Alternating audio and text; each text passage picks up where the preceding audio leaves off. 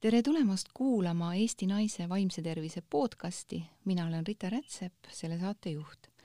ja täna on siis meil külas selline inimene nagu Kene Vernik, tere Kene! tere! meil on väga moodne ühendus sinuga, et tavaliselt istub mul saatekülaline üle laua ja me saame niimoodi silmsidemes ja samas energias toimetada siin saates. aga täna me oleme loonud siis videosilla Tartusse vaatame siis, kuidas meil see hakkama läheb, et kasutame siis, vaatame siis, kuidas see meil nagu, kuidas me hakkama saame sellega. et kasutame siis kõik tehnilised võimalused ära. kõigepealt ma sooviks sinu käest, Kene, küsida sellist asja, et äh, kuidas sa ennast nimetad, kas sa oled uneterapeut?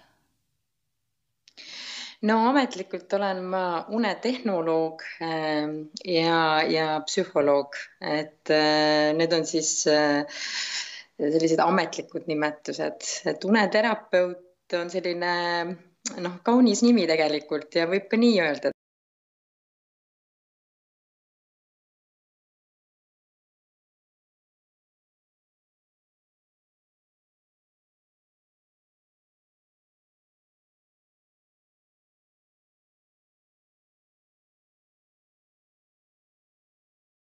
Et äh, psühholoogina olen ma ka terapeut, unetoloogina võib-olla natuke vähem, äh, läheb rohkem sellisesse meditsiini, aga, aga kaunis nimi igal juhul. jah, ma ilmselt siis paningi kaks asja kokku, et unetehnoloog ja terapeut ja kokku saimegi uneterapeut. kõlab ju ilusti ja väga põnevalt. Äh, räägi palun meie kuulajatele natukene lähemalt, et kuidas sa sellise põneva ametini jõudsid, et kuidas selli-, kuidas selline valik, et kas olid väike tüdruk ja soovisid saada psühholoogiks ja unetehnoloogiks? no psühholoogiks ma soovisin üsna varakult tõesti saada, et äh, ja kuidagi nii läkski, et õnnestuski psühholoogiat õppima minna ja äh, ja siis kohe teisel kursusel ma kirjutasin doktor Tuuliki Hiionile äh, Tartu psühhiaatrikliinikusse unekeskuse osakonda ja ütlesin, et ma tahaks tulla praktiseerima seda, mida tema seal teeb. see tundus huvitav ja ta võttiski mind oma käe alla ja õpetas mind välja äh, unetehnoloogiks, kes siis vaatab uneuuringuid läbi, see on selline hästi spetsiifiline eriala et seda sertifikaati üldse saada, pead sa olema nii-öelda arsti käe all õppinud äh, tollel ajal kas siis kuus või seitse aastat, iga aasta tegema erinevad siis koolitused ja lõpeb see siis suure eksamiga Euroopa Unemeditsiini Komisjoni ees, nii praktilised oskused kui teooria peab olema seal siis paigas. et äh, unetehnoloogia üldiselt on vähe Äh, ja, ja see on selline väga huvitav eriala ja hiljem siis ma võimisin need asjad kokku, et kuna ma läksin psühholoogiat veel edasi õppima ja lõpetasin Tartu Ülikooli magistratuuri, nii et siis äh, kuidagi, kuidagi need asjad läksid väga sujuvalt. Ja, ja ilmselgelt me noh, teame ka, et kui meil on meeleolu probleemid, äh, siis kaasnevad väga tihti ka uneprobleemid sinna just, et need on omavahel väga-väga seotud, eks. kas sa ise magad nüüd teadlikumalt? Äh, ma ei ütleks, et teadlikumalt, ma olen alati olnud väga hea magaja või unehoidja juba varakult ja mul ei ole nagu tõesti unega selliseid probleeme olnud, et on muidugi lühiajalist unetust olnud, mis on seotud erinevate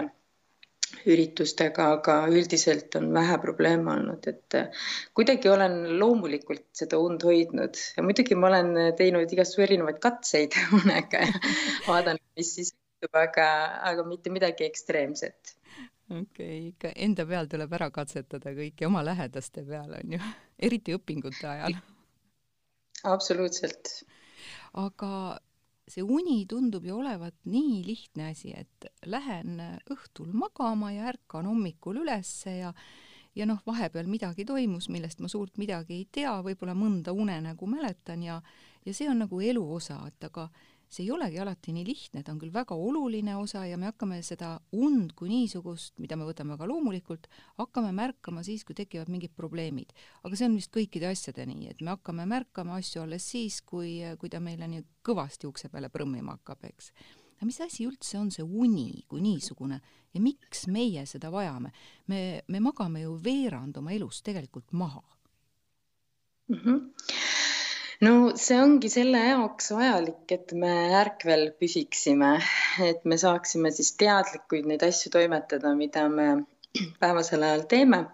kui me ei magaks äh,, ei olekski nagu võimelised magama või ei oleks üldse sellist mehhanismi, uneärkvel oleku rütmi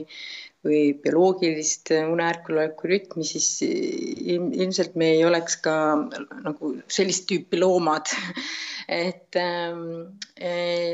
see on energia taastamiseks oluline, meie kognitiivse võimekuse taastamiseks oluline ja, ja une ajal siis ka aju puhastub toksilistest ainetest, mis kogunevad päevas, päeval, päevasel ajal. Ja, ja kui see aju ei puhastu, siis me läheme aeglasemaks ja aeglasemaks nagu vana arvuti ja kui me restarti ei tee ehk siis ei maga, siis äh, nagu me teame, siis vana arvuti mõnikord isegi ei käivitu või, või ei suuda noh, absoluutselt töökorras olla. täpselt samamoodi on inimesega, et äh, me peame restardi tegema ja seal on noh, palju asju äh,, mida me veel isegi ei tea, mis une ajal toimub. aga seda me teame kindlasti, et kui me ei maga, siis järgmine päev on ikkagi väga kehv olla. see on väga individuaalne, kuidas kellele äh, vähene uni mõjub või mitte üldse magamine. et äh, aga üldiselt mõjub see laastavalt, kui nii võib öelda ja kui me räägime praegu siin vaimse tervise podcastis äh, just nimelt vaimsest tervisest, siis esimene mõte, kui ma, kui ma üldse hakkasin seda, seda saatesarja siin nagu läbi viima, oli mul just uni, et ma näen oma klientide pealt, et kuidas igapäevane ärevuse foon, et see adrenaliin on pidevalt üleval, kuidas see tegelikult mõjutab und ja kuidas vähene uni mõjutab jälle tema päeva toimetamist. mis toimub meie kehakeemias? Äh, et mhm. meil on unega okei okay või ei ole unega okei okay., et mis meie kehas toimub? Jah, me oleme sellises nagu surmalõksu või surmaringis nii-öelda nagu inglise keeles death circle öeldakse. see on selline asi, et ähm, kui ma olen ärev näiteks, olen õhtul ärev, mõtlen palju mõtteid, sealt hakkab kujunema näiteks äh, unetus või selline krooniline unetus ehk siis ma jään kergelt unepuudusesse ja siis juba jään raskemasse unepuudusesse, siis tegelikult keha hakkab öösel ehk siis neerupealmised hakkavad tegelikult öösel tootma adrenaliini ja kortisooli ehk siis stressi, stressihormooni, mida meil öösel kindlasti vaja ei ole ja see omakorda juba hoiab meid üleval korralikult. ehk siis keha läheb hästi pingesse, mõtted on ka väga ärevad ja, ja nii ma siis passin öö otsa seal voodis, tulen ülesse, proovin siis hakkama saada, mis toodab omakorda jälle ärevust. nii et ärevus toodab ärevust ja see keemia ja need ained meie ajus on ka aktiivsed nii-öelda kakskümmend neli H-d. et kui öösel peaks olema ärksushormooni maas eh, ja unehormoon aktiviseeritud melatoniini näol üldiselt, siis seal on muid aineid ka aga ikkagi see on kõik sassi löödud ja me oleme kogu aeg ärevad. ja see on üks, seda nimetatakse psühhofüsioloogiliseks unetuseks, mis ongi kroonilist laadi ja see on äärmiselt raske. raske sellepärast, et inimesed ise hoiavad oma tegevustega või käitumistega alal seda unetust. ja, ja raske on sealt välja ise tulla jaa, see on, see on ilmselt just see, mida, mida inimesed väga palju kurdavad, mida ma oma, oma tööski näen, et mõtted on need, mis ei lase magama jääda, et mõtted muudkui ketravad ja ketravad peas ja, ja üks mõte sünnitab teist ja nii edasi ja, ja siis otsitakse mingisuguseid asendustegevusi, et kes siis kirjutab need ülesse, aga ega nad peast ju ära ei kao, eks ju, kes siis läheb võib-olla isegi sööb või jalutab või võimleb või mis iganes mis oleks sinu head nipid inimestele, äh, sellised lihtsamad nipid, mida, mida ta saaks äh, teha, kui, kui ta on selles, selles surnud ringis mm? -hmm. üldiselt me kasutamegi unetuse kognitiivkäitumuslikku teraapiat, mis põhineb väga palju tegelikult käitumuslikel tehnikatel esialgu ja siis me läheme sinna kognitiivsesse maailmasse, siis hakkame rohkem mõtetega tegelema. Ja käitumusliku all me teeme kasvõi sellist lihtsat asja, et me hakkame seda äh, unerütmi korrigeerima, unegraafikut ja vaatame, kui palju see inimene tegelikult seal voodis on, et voodis oleku aega lühendatakse oluliselt. see alguses tekitab küll väga suurt ärevust inimestele, aga mida rohkem ja kauem ma voodis passin, seda rohkem ja kauem ma õpetan ennast olema voodis horisontaalselt, olema ärev nii-öelda. Ja keha on ka pinges, justkui ta niimoodi pikali juba hakkab minema, see on selline kehamälu, lihasmälus on juba see sees, et kui ma pikali lähen, siis hakkab juba see tootmine toimuma. Et seda me hakkame siis välja juurima sealt, mida vähem voodis, seda parem, on üks variant see on siis unerestriktsiooni tehnika ja teine tehnika, mida me kasutame käitumuslikult, on stiimulikontrolli tehnika. see on selline asi, et äh, kui ma siin kümne-viieteist minuti jooksul magama ei jää voodis, täiesti taju põhjal otsustan, et jah, et ma arvan, et ma olengi olnud siin nüüd kümme-viisteist minutit voodis, kella ei vaata, siis ma tulen voodist välja ja teen midagi sellist äh, noh, rahulikku selles mõttes, et on hea, kui see on mingi automaatne tegevus, näiteks koristamine või mingi lihtne ajakirjandus või, või isegi muusika kuulamine on okei okay. ja olen viisteist minutit väljas, mitte rohkem, isegi siis, kui ma tunnen, et ma olen ikka ärev ja ma magama kindlasti ei jää, aga vot viisteist minutit on see piirmäär, aga siis lähen uuesti tagasi voodisse. ja nii ma võin teha seal kümme, kakskümmend korda öö jooksul. Äh, ükskord ikka magama jääb nii-öelda, aga vähemalt ei ole seda konstantselt ja järjepidevat passimist voodis, mis tegelikult hoiab alal seda ärevust. nii et need on sellist kaks sellist käitumuslikku tehnikat, mida kohe soovitada. väga super, aga, aga näiteks, mis sa sellest arvad, mida mina olen ise mingitel ärevatel noh, nii-öelda aegadel enda puhul rakendanud ja siis ka inimestele soovitanud ja nii mõnigi on öelnud, et töötab ja noh, muidugi millesse ma usun, see töötabki, eks ju aga, aga näiteks see, eh, mis on tavapärane, on, hakatakse vaatama kella, et issand jumal, nüüd ma ei ole ikka veel magama jäänud, appikene, kui ma hommikul üles ärkan, siis mul on see päev, ma olen jälle väsinud ja nii edasi, ehk veel tõstetakse seda ärevust aga ma olen ise teinud seda, ma küsingi sinu käest, kas ma nüüd teen, olen õigesti teinud, kuidagi mulle tundub, et see töötab, et ma olen sellesse uskunud, muidugi töötab. Eh, ma olen lihtsalt lubanud endal olla silmad kinni lihtsalt lubanud, et ma olen silmad kinni, ma ei pea magama jääma, ma lihtsalt hingan, vaatan, kus mu kehas on, skänneerin nagu oma keha, vaatan, kus mul on pinge, hingan sinna sisse, siis hingan välja, lõdvestan selle koha. Ja noh, loomulikult me jääme ju magama, me ei tea ju kunagi magama jäime, eks. Ju, et ühel hetkel me jääme magama, see on vist ilmselt see, mille pärast väiksed lapsed ei taha magama jääda, et nad kaovad nagu ära ja hirm ärakadumise ees on nii suur, on vist nii, jah? jah, et äh, see, mida sa kirjeldad, ongi nagu äh, KKT-s siis kognitiivkäitumuslikus teraapias nüüd lõdvestustehnikate kasutamine üldiselt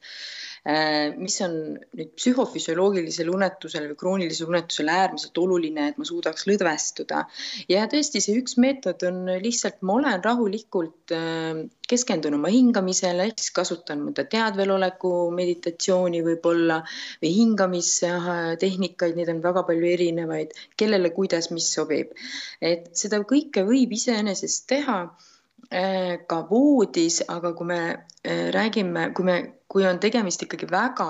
äreva tegelasega, ärevikuga, siis äh, ma soovitan neid harjutusi isegi voodist väljas teha. et, et lõdvestuda enne voodisse minekut juba Eh, sest et kui ikkagi on tegemist sellise väga raske unetuga, et siis tal on ikkagi väga keeruline seal voodis horisontaalasendis keskenduda päriselt sellele harjutusele ja, ja hea, kui päeval saab ka harjutada neid tegema. no igal juhul on see nii voodis kui voodist väljas hea soovitus. lõdvestusharjutusi on palju erinevaid Äh,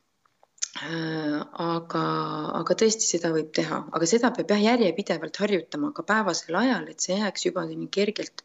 kergelt eh, nii-öelda nagu meie kehamällu sisse, selline lõdvestusprotsess kui selline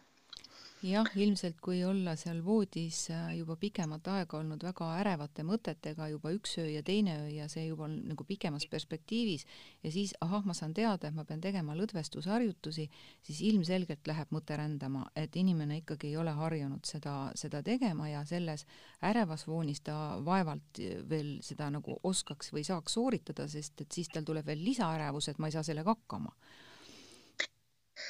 Jah, võib ka jah, täpselt võib nii ka olla jah, et ähm, ja, ja siia, kui nüüd nende mõtete juurde tulla, ehk siis kognitiivsed tehnikad, et ongi nagu mõtetega tegelemine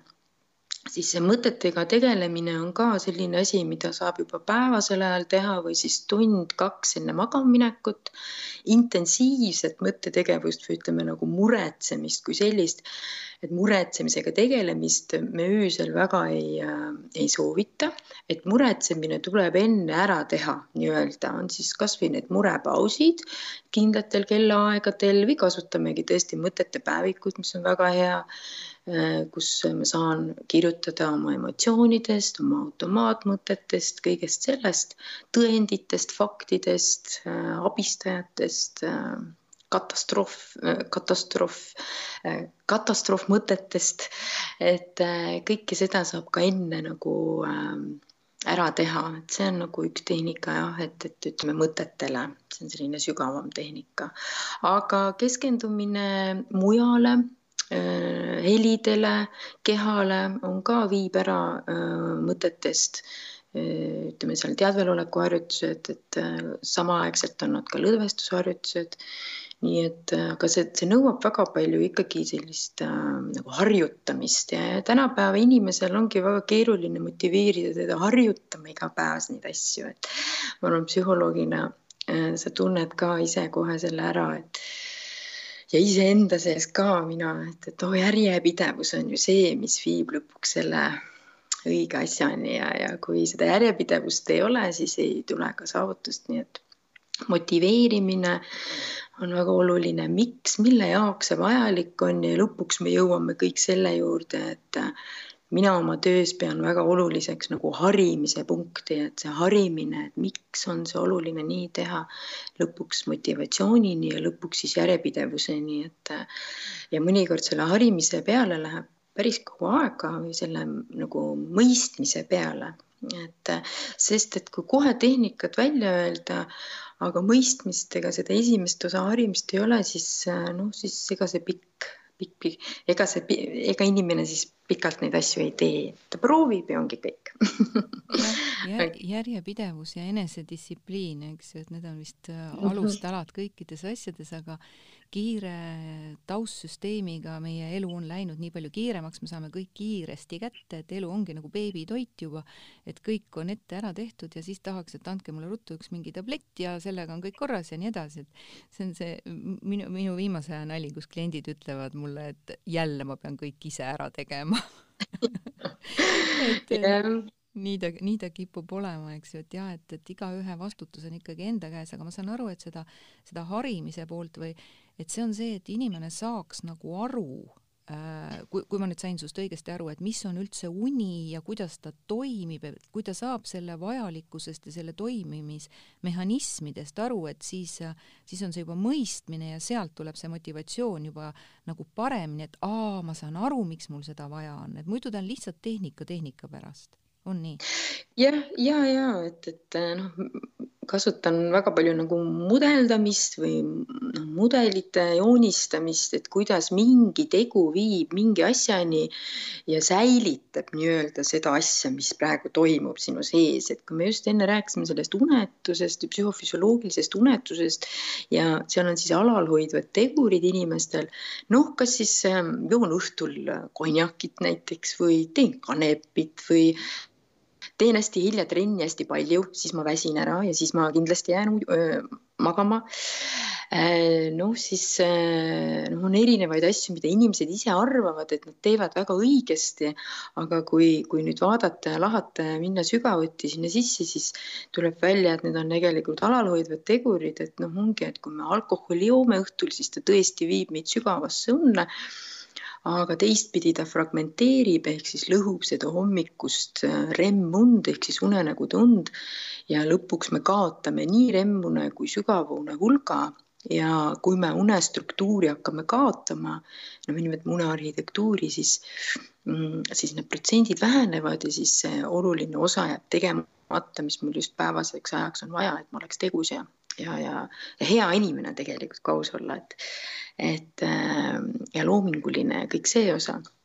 nii et, äh, et see, seda ma räägin palju inimestele ja kui me selle ühe käitumise sealt ära võtame, siis asi läheb juba palju paremaks.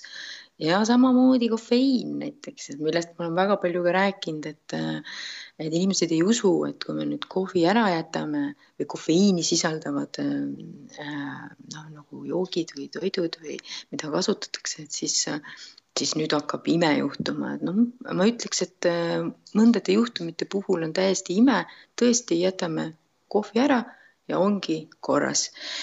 et, et kõik need sellised äh, kõrvalasjad tuleb nagu üle vaadata, vähendada neid ja, ja siis on nagu see puhas tulem ka nagu nii-öelda tulemas. selleks, et olla parem inimene iseenda vastu ja teiste vastu ja loominguline, täis avastamiskirge, me vajame und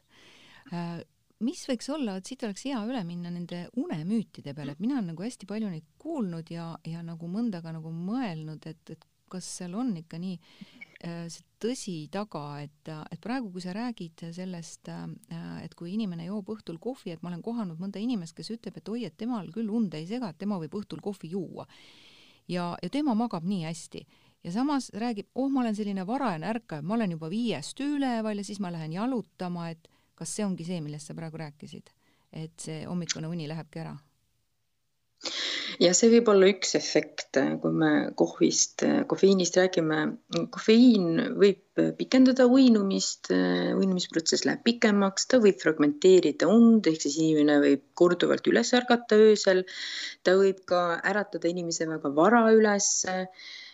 aga mida ta teeb peamiselt on see, miks inimesed arvavad, et see ei mõjuta neid, on see, et, et, et aga ma magasin nii hästi, mul on uni nii pikk näiteks, aga tegelikult kofeiin tekitab aju EEG-sse mikroärkamisi ja need mikroärkamised äh, kat-, noh, katkestavad nii-öelda seda unestruktuuri, unefaase ja jällegi ta lõhub nii-öelda seda head und. Äh, ja muidugi kohvi on ju hea, õhtul on soe jook Äh, mõnus ja soe joek alati rahustab. ja, ja nüüd ongi nii, ma korraks teen katkenda, et mida inimesed ei tea, on see, et äh, kohvi või kofeiin fragmenteerib nagu ööund niimoodi, et tekivad ööunne siis mikroärkamised. Ja, ja inimene seda ei tea, sest need on kolme kuni viiesekundilised ja see lõhub siis unestruktuuri ja tekitab päris suurt väsimust ja unisust päevasel ajal. Ja nii siis inimene jälle tarbib kofeiini peale ja ta ongi selles nõiaringis ühel hetkel võib see anda ikkagi jälle tunda, eks ju. aga, aga unemüütide alla veel, mida, mida ma küsiks kohe sinu käest, et hea võimalus ära küsida, et siin räägitakse Margaret Thatcherist ja, ja minu, minu teada ka Merkelist, et nemad ikka magasid neli tundi ja kui tegusad nad kõik olid ja nii edasi, et et inimestel ongi hästi erinev unevajadus noh, minul on endal müüt, et mina olen õhtuinimene, et hommikuinimene ma väga ei ole, et ma, mulle meeldib õhtul kaua üleval olla ja, ja hommikul ma tahan kauem magada, et see võib olla pigem hoopis harjumus, eks ju, ja nii edasi ja, ja et kas, kas see on niimoodi, et, et ei, ei ole kõikidel inimestel vaja seda seitset ja kaheksat tundi und normaalsel täiskasvanu inimesel, et kas ta saab ka vähemaga hakkama? mõni ütleb, et tema vajab üheksa ja kümme, et mis asi see on, unekott või? jah, see unevajadus on väga individuaalne, et, et noh, ütleme üldiselt täiskasvanud inimese uni võiks jääda sinna seitsme-üheksa vahele ja oma praktikas ma olen ka ikkagi väga vähe neid näinud neid inimesi, kes magavad ütleme alla kuue tunni või, või isegi alla seitsme tunni, et üldiselt, kui me unekasvatust teeme, siis uni kasvab väga ilusti, kui me võtame siis kõik need äh, käitumised maha, mida, millega ta hoiab alal nii-öelda seda, et und ei ole piisavalt aga nüüd Thatcherist rääkides või, või ütleme nagu noh, jah, et, et nagu müüdid äh, nii palju, et intelligentsed inimesed või tegusad või äh,, või ütleme, magavadki vähem need inimesed ja, ja, ja ongi hästi toimekad ja, ja vähe magamine on nagu selline hea märk justkui. aga noh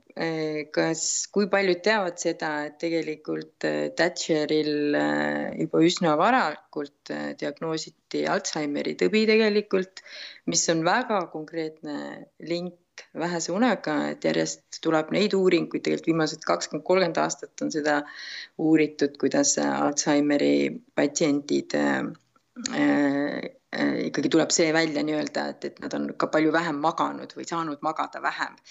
et, et neid kroonilisi haigusi hakkab ikkagi tulema juurde ja juurde, aga sellest osast ei räägita. noh, Merkeli haigustest me ei tea, aga no ilmselgelt tal kindlasti neid, kindlasti seal midagi on. aga ma ei saa ka öelda, et jah, et tema vajadus oligi neli koma viis tundi et, et, et on inimesi, aga need on tõesti üliväike protsent, see on tõesti mõni protsent, kes suudavad nii vähe magada. et see on äärmuslik mm. -hmm. et tegelikult me ikkagi vajame kuskil seitse kuni üheksa vahemikus. jah ja,, et see jah ma, ma olen vaadanud enda pealt, et kui on olnud väga intensiivsed tööperioodid, et siis ma tean juba, et minu abivahend on see, et ma pean saama kaks ööd vähemalt üheksa tundi ja siis on juba taastumine. et, et noh, sa õpid elu jooksul ära, eks. aga ma küsiks sinu käest veel ühe sellise müüdi kohta, et äh, öeldakse, et väga oluline see tundide arv, eks, aga väga oluline on, millal sa magama lähed, et sa võid oma tunnid täis magada ju, et aga sa lähed öösel kell kaks, tuled kuskilt või noh, oled jäänud kauemaks telekat vaatama või mis iganes, eks ju, et, et lähed kahe aeg magama ja oi, ma magasin ikkagi oma kaheksa-üheksa tundi ära, aga ma olen ikka väsinud, et kas oluline on ka kellaaeg, millal me maga, magama läheme siin meie selles ajavöötmes? Jah, see tõesti on. Äh, me kõik oleme oma kronotüüpi ehk siis äh, noh, üldiselt lahterdataksegi kolme tüüpi, on varajased, keskmised ja hilised, aga tegelikult noh, sinna vahele, vahemikku jäävad kõik keegi oma ajaga. et äh, kes siis, kellel siis melatoniini aktivatsioon kümne ajal või kellel kümme kolmkümmend, kellel üksteist, üksteist viisteist, et tõesti, nad on nagu hirmsalt nagu väga täpselt on võimalik isegi seda aega nagu kätte saada, et kuhu ma nagu nii-öelda oma hea unega jään. ja kui inimene ongi näiteks äh, mingite tegevuste tõttu või töö tõttu läinud hilja magama kogu aeg, aga tema äh, uni on valmis juba tegelikult kell kümme õhtul, siis ta ei saa mitte kunagi kätte sellist unestruktuuri ja unefaase kui, kui ta läheks kell kümme magama, aga kell kaks magama minnes äh, hakkab see uni ikkagi äh, vähenema ja need unefaasid on lühemad ja, ja ta ei ole välja puhanud ehk siis see melatoniin ei ole nii aktiivne sellel kellaajal, kui ta loomu poolest või geneetiliselt peaks olema hoopis kell kümme. nii et ja inimesed võivad seal niimoodi elada väga pikalt, arvates, et ma olengi ööinimene, aga tegelikult kui me seal teeme need eksperimendid läbi, siis me saame aru, et kuule, et sa oled täitsa kell kümme, üksteist pead magama minema, et siis on sul uni palju parem ja sa tunned ennast palju paremini ju päeval et äh, seda saab katsetada ja, ja leida see oma õige kronotüüp siis üles nii-öelda või une ärkveloleku rütm nii-öelda. kas seda saab inimene ise ka proovida, et mis oleks tema kõige optimaalsem magamamineku aeg, et tagada siis selline korralik taastav uni? Jah, seesama une restriktsiooni tehnika ja une pikendamise tehnika on üks asi, mida saab katsetada, et noh, sa määradki omale ärkamise kellaaja esialgu sellise, mis sulle nagu tundub sobiv. sa ise tunned ära, et jah, et tegelikult kell kaheksa ma tahaks ärgata või, aga ärkan tegelikult kell üksteist või ärkan kell kuus, aga kell kaheksa oleks nagu ideaalne et siis sellest ajast sa võtad oma keskmise unetundide arvu, et äh, näiteks äh, noh, arvutadki esialgu kümme päeva kokku, palju unetunde sa saad, näiteks kuuskümmend unetundi ja jagad selle siis kümnega ja saad kuus. Ehk siis keskmiselt kuus unetundi öös ma peaks ära magama praegu, see on minu keha vajadus just praegu. Ja siis arvutadki sellest kaheksast äh, miinus kuus ja saad näiteks kell kaks öösel ja kahest kaheksani pead olema siis voodis magama, proovida magama jääda ja hakkad seda und pikendama ehk kasvatama ettepoole, minnes viisteist minutit varem kogu aeg voodisse iga seitsme või kümne päeva tagant ja seni pikendad seda und, kuni und siis nagu jätkub, et uinumine on ikka hea, ärkamisi väga ei ole, magad kellani ja seni sa lähed astmelt astmele kui nüüd hakkad liiga vara ärkama, siis peaks kogu seda protseduuri natuke varasemaks tõmbama. aga kui kell kaheksa tundub, et absoluutselt üles ei saa, aga enam ei uinu hästi, siis järelikult oled hilisem kronotüüp. nii et äh, seal nagu saab niimoodi katsetada see on natuke keeruline võib-olla seletada, aga on täitsa võimalik tõesti, tõesti nagu katsetada ja vaadata, pikendada ja kasvatada und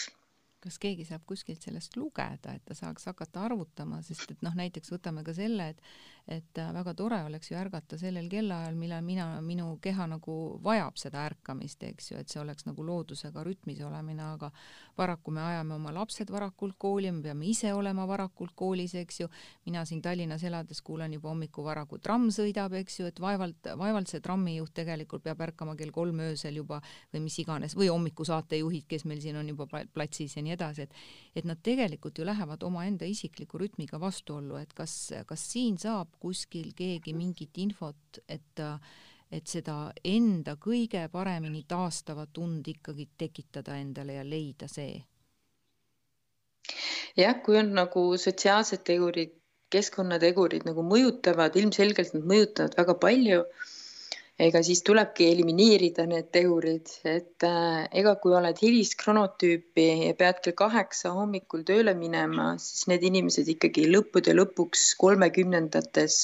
otsustavad, et nemad ei hakka nii vara tööle minema, sest et kui inimese keha vananeb, siis ta lihtsalt ei pea enam unevõlale vastu. Ta, ta lihtsalt on läbi omadega ja ta saab aru, et ma pean ikkagi õhtupoole seda tööd tegema või vastupidi et, et kui oled väga varast kronotüüpi, lähedki vara tööle, tuled vara ja lähed vara magama, et hakkad seda ise hoidma, et see on tegelikult selline täitsa loomulik asi, mis inimesel tuleb ja tavaliselt nad on sellised kolmekümnendates aastates inimesed, kes avastavad ja, ja, ja, ja kuidagi loomulikult sätivad seda õiget rütmi juba paika, sest et keha lihtsalt ei allu teistpidi. kui me oleme noored, meil on noor aju, väga plastiline ja väga kiiresti taastuv, siis on lihtne selliseid asju teha, et ma olen öö otsa üleval ja olen veel ja, ja siis jälle taastan natukene ja, ja, ja ühesõnaga sa võid seda päris pikalt niimoodi elada nii-öelda selles rütmis. aga kui keha vananema hakkab, siis on tõesti keeruline nii et äh, kuidas kokkuvõtlikult sellele öelda? Ma ei oskagi praegu. Et äh, mul läks mõte vist ära vahepeal, aga no ühesõnaga niimoodi ma vastaks praegu sellele osale. see on igati, igati okei. Okay.. et, et selles mõttes me võib-olla ma isegi läheks siit edasi sellest sinu mõttest, et me peaksime üsna varakult hakkama juba tegelema unehügieeniga et juba mm. päris lapsest peale me hakkaks seda tegema ja, ja olla teadlik enda unevajadustest ja kõigest sellest et noh, muidugi noorena jaa, loomulikult, et no kes see siis, kes see siis kümne aeg magama läheb, et elu tuleb ju, elu tahab ju elamist ja kohe kiiresti siin ja praegu, eks ju et, et see on aru saada, aga, aga mingisugusel hetkel, mingisuguses vanuses, nagu sa ka ise välja tõid, eks ju, võib see, see keha hakata streikima ja, ja me ju tegelikult seda ei tahaks, et ta mingitene haigusteni või vaimsete või füüsiliste haigusteni välja jõuaks, eks. siis me peaksime vist ilmselt alustama selle unehügieeniga juba väga lapsest peale, on nii? ja mis asi on üldse unehügieen mm? -hmm. et tõesti, et äh, mida varem, seda parem siis ei, ei ole hakanud tekkima veel mingisuguseid kroonilisi haigusi või mingeid kõrvalsümptomeid, kõrvalhäireid ähm,. aga noh, see tuleb meie vanematest ju väga palju, kui me oleme lapsed, siis äh, noored, siis ikka vanem on see hooldaja, kes korrigeerib, seab piire, vaatab, et asi oleks ikkagi paigas. siit siis tuleb vanemate harimine et miks see siis oluline on, et see laps ikkagi selle nutiseadme varem ära paneks ja ja kuidas me seda saame teha, et ära paneks ja, ja kõik see osa. Ja unehügieeni alla lähevadki kõik need toimetused enne magama minekut tegelikult kuni hommikuni välja. milline on päevakava, noh, lastel, imikutel on päevakava väga oluline ja, ja, ja, ja, ja kui laps juba kooli läheb, siis on see koolipäevakava, mis dikteerib väga palju seda und, uinumist. lasteaiad dikteerivad väga palju uinumist, et selles mõttes äh, seal on tõesti see vanema hoolitsus ja vanema teadlikkus väga-väga oluline, et aga mis on hea unehügieen, mis on see mm -hmm. hea une saladus, et millega ma millega ma näiteks peaksin, ütleme, et noh, praeguses tavamõistes mina kui tavakodanik arvan, et ahah, unega tuleb hakata tegelema siis nagu enne uinumist ehk õhtul ma saan aru, et see on kakskümmend neli hast teema, eks ju. et aga, aga kui me alustame nagu sellest, et, et õhtu hakkab nüüd kätte tulema ja, ja mis on see hea unehügieen, millest ma alustaksin iseenda puhul ja võib-olla siis ka nende laste puhul, eks ju, kel, kes, kes meil siis, keda me siis tahame kasvatada normaalselt, mõnusalt toimivateks inimesteks, et nad oleks iseenda sees ja enda ümbritsevaga tasakaalus, et mis oleks need head nipid, et millest kõige lihtsamad, et mida ma peaksin tegema õhtuti, millest alustada, alustame siis õhtust jah, alustame õhtust, et äh, noh, meil siin pimedal ajal eh, punkt üks on vaja valgust, et äh, praegu on kõige pimedam aeg äh,. kohe varsti hakkab õnneks valgeks jälle minema, aga igal juhul oleks vaja siis vähemalt äh, seda eredat päevavalgust nii palju kui võimalik, nii et päeval võimalikult palju liikuda ja nüüd, kui õhtu on käes, siis mitte istuda pimedas telekatoas ja vaadata pimedas telekat. see on selline klassikaline asi, eriti vanemaealistel inimestel. et äh, pange kõik valgustid tööle või kasutage päevavalguslampi või erevalgusravi, mis on selline iPadi suurune, äh, annab selline viis tuhat, kümme tuhat luksi, sellise korraliku siraka, äh, tõmbab ärksuse hormoonid ülesse ja, ja sa oledki ärgas, sa ei pea tarbima selle pärast midagi.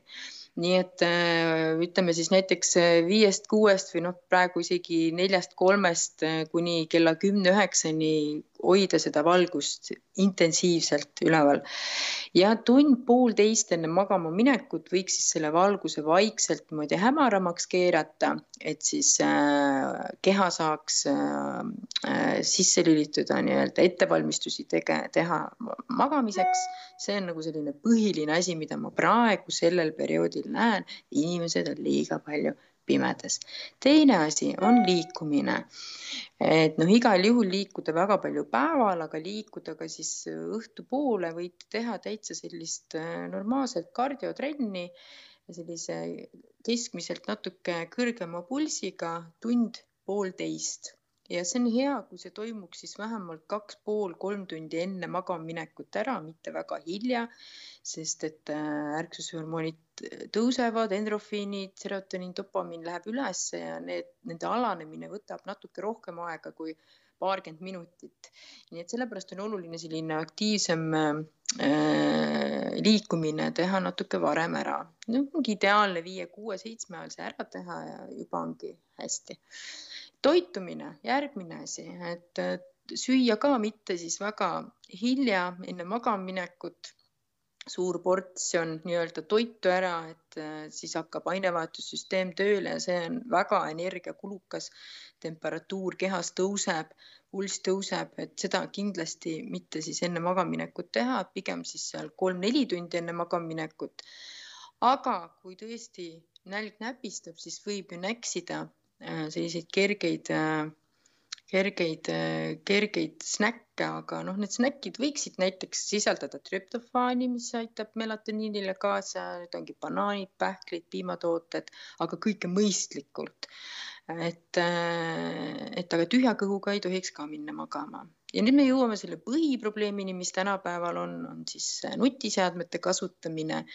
noh, eksperdid ütlevad, kaks tundi enne magamaminekut võiks kõik ekraanid ikkagi välja lülitada, kaasa arvatud televiisor. et see on väga äärmuslik ja, ja me teeme seda siis, kui ongi väga äärmuslik juhtum. aga noh, telekat võib vaadata iseenesest, aga niimoodi magama minna, võtta telefon kaasa, istuda pimedas toas, vaadata seda nutiseadet, see ei ole nagu hea variant. noh, esiteks see valgus, millest on palju räägitud küll kasutatakse filtreid ja tõmmatakse nii-öelda see ekraanivalgus maha, aga see ei ole tegelikult piisav, sest et seal on muud äh,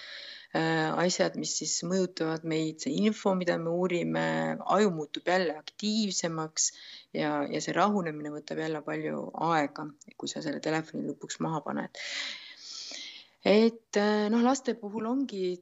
tund-kaks kindlasti enne magamaminekut võiks olla rahulikud tegevused, jutustamised, mängud, sellised kergemad ja täiskasvanutel siis ütleme tund enne magamaminekut võiks olla siis see nutiseade ära pandud, tööasju ei tee.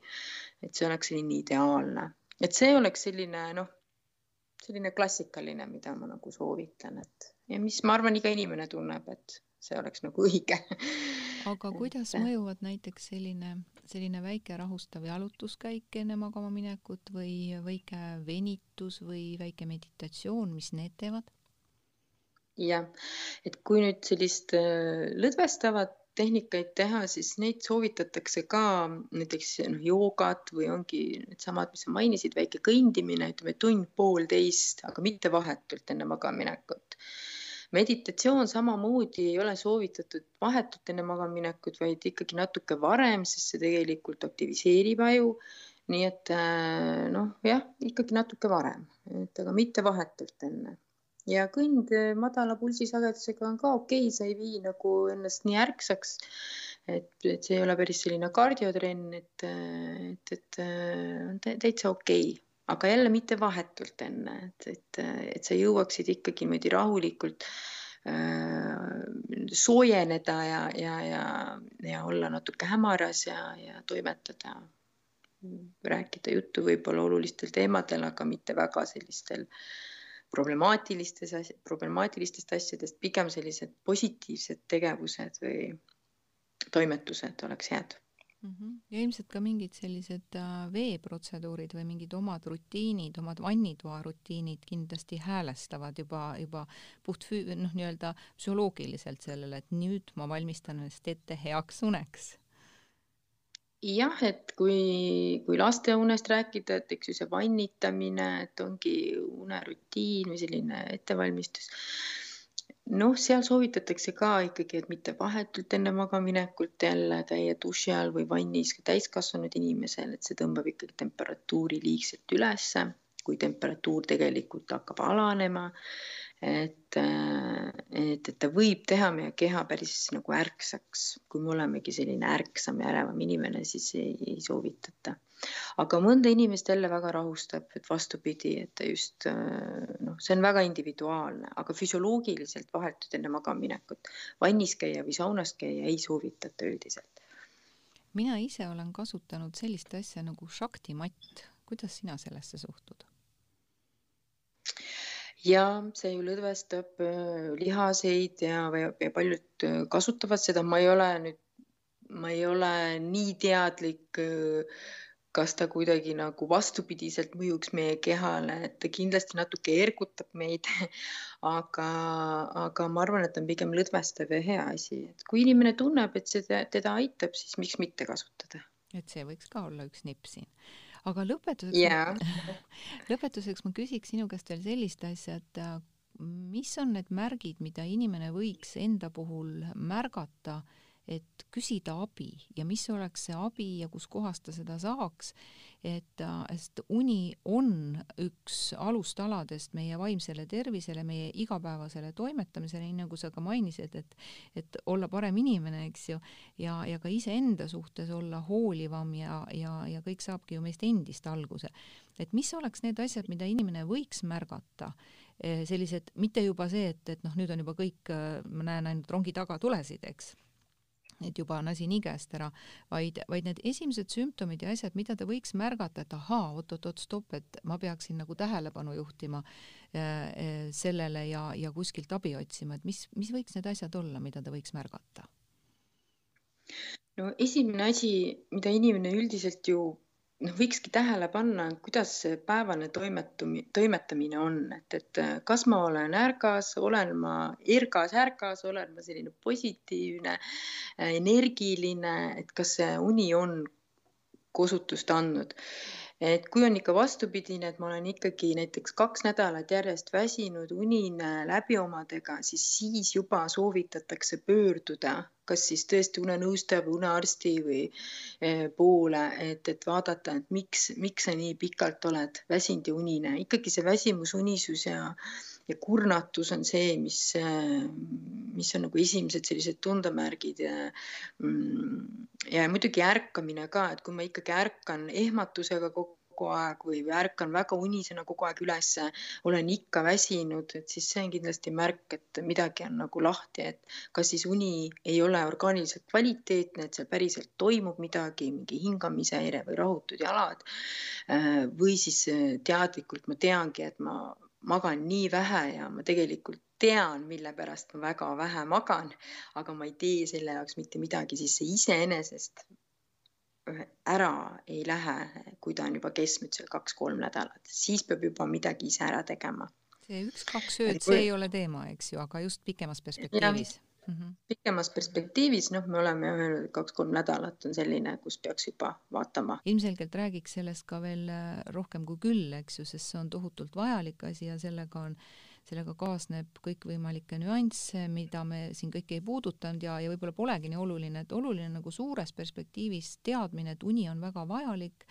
ja, ja alustada selle oma isikliku unerütmi leidmisega, korraliku unehügieeniga ja, ja tänu sellele kõigele siis me lõpuks oleme, oleme vaimselt ka tugevamad ja, ja tervemad ja sealjuures ka vähem vastuvõtlikud kõikvõimalikele välistele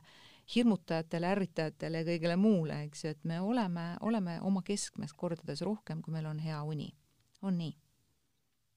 jaa, absoluutselt. aitäh sulle, Kene, et sa said, said meiega seda kõike siin jagada ja ma väga loodan, et meie kuulajad said siit enda jaoks mõtteid nippe ja palun olge järjepidevad ja enesedistsipliin on see, mis aitab meid endid kõige-kõige rohkem. nii, aga olge muitud ja aitäh, kõike head ja tänan, tänan meie saatekülalisi siis või ja tänan meie saate kuulajaid meid kuulamast. kohtumiseni. thank you